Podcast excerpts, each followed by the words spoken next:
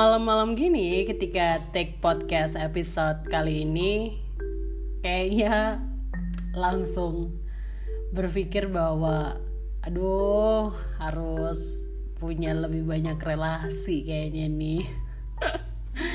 Kenapa gitu? Karena jujur kalau misalnya ada orang yang kenal aku itu pasti tahu banget bahwa aku mungkin banyak punya teman tapi tidak banyak dari mereka itu yang hubungannya tuh intimate. Jadi kayak nggak yang kamu tahu kan ada orang yang kalau makan ya makannya sendiri gitu perginya sendiri atau nontonnya sendiri belanjanya kalau ke supermarket juga sendiri gitu saking menikmatinya kesendirian itu gitu ya. Karena kalau awal-awalnya sih memang nggak nyaman tapi setelah terbiasa selama bertahun-tahun jadinya ya emang nyaman juga sendirian. Tapi ketika baca The Lonely Society Report gitu ya ini memang bener-bener gabut banget. Tapi akhirnya jadi inspirasi bahwa orang yang biasa sendiri apalagi mereka merasakan kesepian itu tendensi untuk sakit dan matinya lebih cepet gitu. Tidak aduh tapi uh, kalau misalnya kita ngebahas soal kesepian gitu ya teman-teman ya di zaman sekarang itu banyak kali ya dari kita yang walaupun kelihatannya pasang insta storynya mungkin sering sama temen-temen gitu kita sering jalan sama teman-teman kita kayaknya happy tapi ketika balik ke kamar ketika pulang ke rumah ketika balik ke kosan. Dan sendirian kita bakal nangis nggak sih? Sering nangis atau sering ngerasa aduh kok kayak gue sepi dan kesepian banget gitu ya.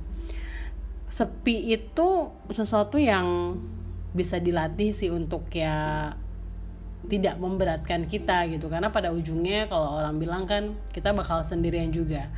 Tapi kalau ngeliat dampaknya setelah aku baca report ini lumayan mengerikan ya ternyata kalau misalnya kita terlalu lama kesepian dan terlalu lama membiarkan perasaan kesepian itu menghantui kita. Baik kita bisa ada masalah secara mental maupun secara penyakit fisik kayak misalnya penyakit yang kayak berhubungan sama kardiovaskular.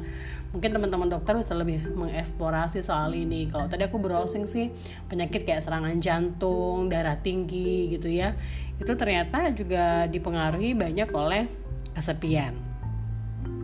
Ini ada satu studi kasus, ada sebuah cerita sebenarnya teman-teman dari orang namanya Ruth ya. Dia tuh adalah seorang janda dan dia janda yang tiba-tiba ditinggal meninggal sama suaminya. Ketika waktu itu dia lagi hamil 7 bulan. Mereka itu adalah dulu sebelum suami meninggal mereka itu adalah pasangan yang ke mana-mana itu berdua gitu. Jadi setiap weekend mereka itu selalu punya kegiatan berdua mereka selalu pokoknya menghabiskan waktu berdua gitu Nah pada suatu saat ketika mereka baru pindah rumah si Ruth ini tuh hamil dan ketika dia hamil 7 bulan dan mendadak tiba-tiba suaminya meninggal dunia. Waktu itu yang terjadi sama dia bisa teman-teman bayangin dong ya ketika dia tetap terbiasa punya sebuah relationship yang akhirnya mengisi dia terus kemudian orang yang biasa sama dia tuh hilang dan meninggal gitu dia ngerasa bener-bener kesepian gitu Nah pada awalnya dia kayak masih punya teman-teman keluarga yang mensupport dia dan juga anak bayi yang kemudian juga udah lahir dan nemenin dia. Tapi kelamaan ternyata itu nggak bisa membunuh atau nggak bisa menghilangkan rasa sepi dia gitu teman-teman. Justru dia cerita bahwa makin lama dia makin tambah takut kesepian jadi nama anaknya kan Alex ya. Nah si dia si Ruth ini tuh takut banget. Suatu saat Alex itu juga bakal ninggalin dia. Kayak si suaminya ninggalin si Ruth ini. Akhirnya dia kalau misalnya malam-malam kalau dia udah nggak ada siapa pun dia tiba-tiba aja bisa kayak ngunci diri dia terus kemudian dia bakal nangis bakal bahkan meninggalkan anaknya sendiri dan kena panic attack gitu. Nah di sini kita bisa ngelihat sebenarnya bahwa kesepian itu tuh punya dampak yang benar-benar signifikan dan benar-benar sebenarnya hampir dari kita semua pernah ngerasain hal yang dirasakan sama Ruth ini walaupun dampaknya beda-beda ya ada yang kesepian cuman akhirnya bukan cuman tapi ada yang kesepian dan akhirnya menangis di kamar sendirian ada yang sampai kena panic attack, ada yang bahkan mengurung diri, ada yang bahkan jadinya marah-marah ke semua orang. Karena ya pada dasarnya nggak ada yang seneng kesepian gitu. Karena ada insting social animals di manusia gitu yang kemudian membuat kita jadi memang harus punya banyak relasi bersosialisasi dan punya hubungan dengan orang lain untuk kemudian mengisi ya mengisi part dari kehidupan kita supaya kita nggak kesepian. Tapi apa sebenarnya kesepian itu buruk ya buat kita gitu ya?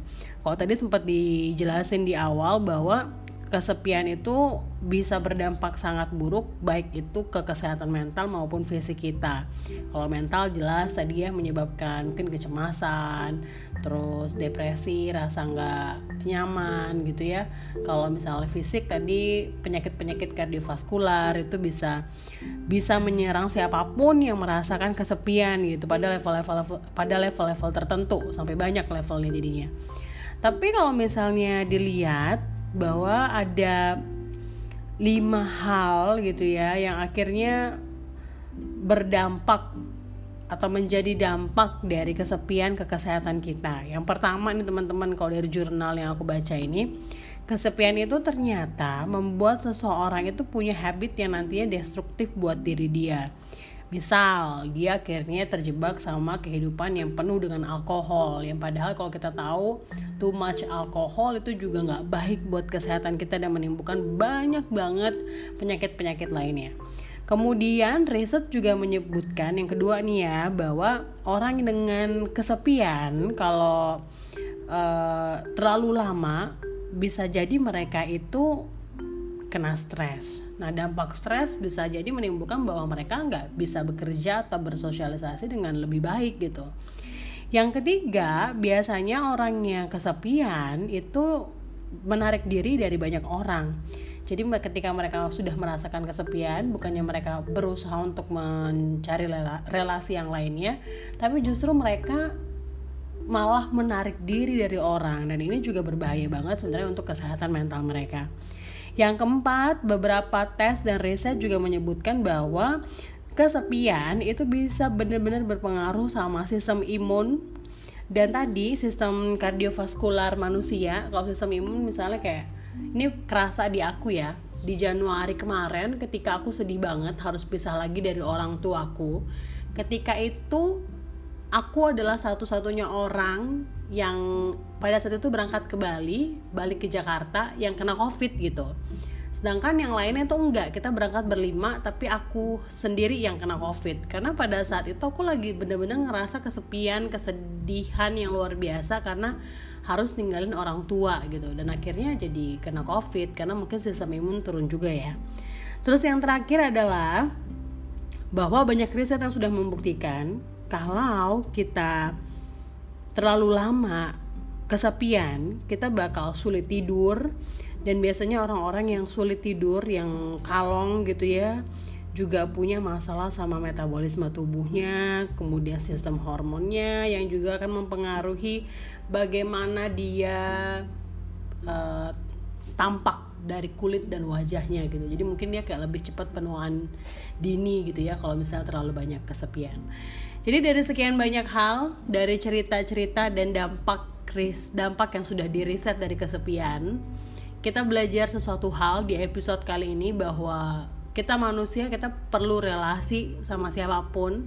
Even though kamu adalah orang yang introvert karena aku pribadi pun juga ternyata seperti itu gitu ya. Kadang kala nggak terlalu nyaman di lingkungan yang banyak orang.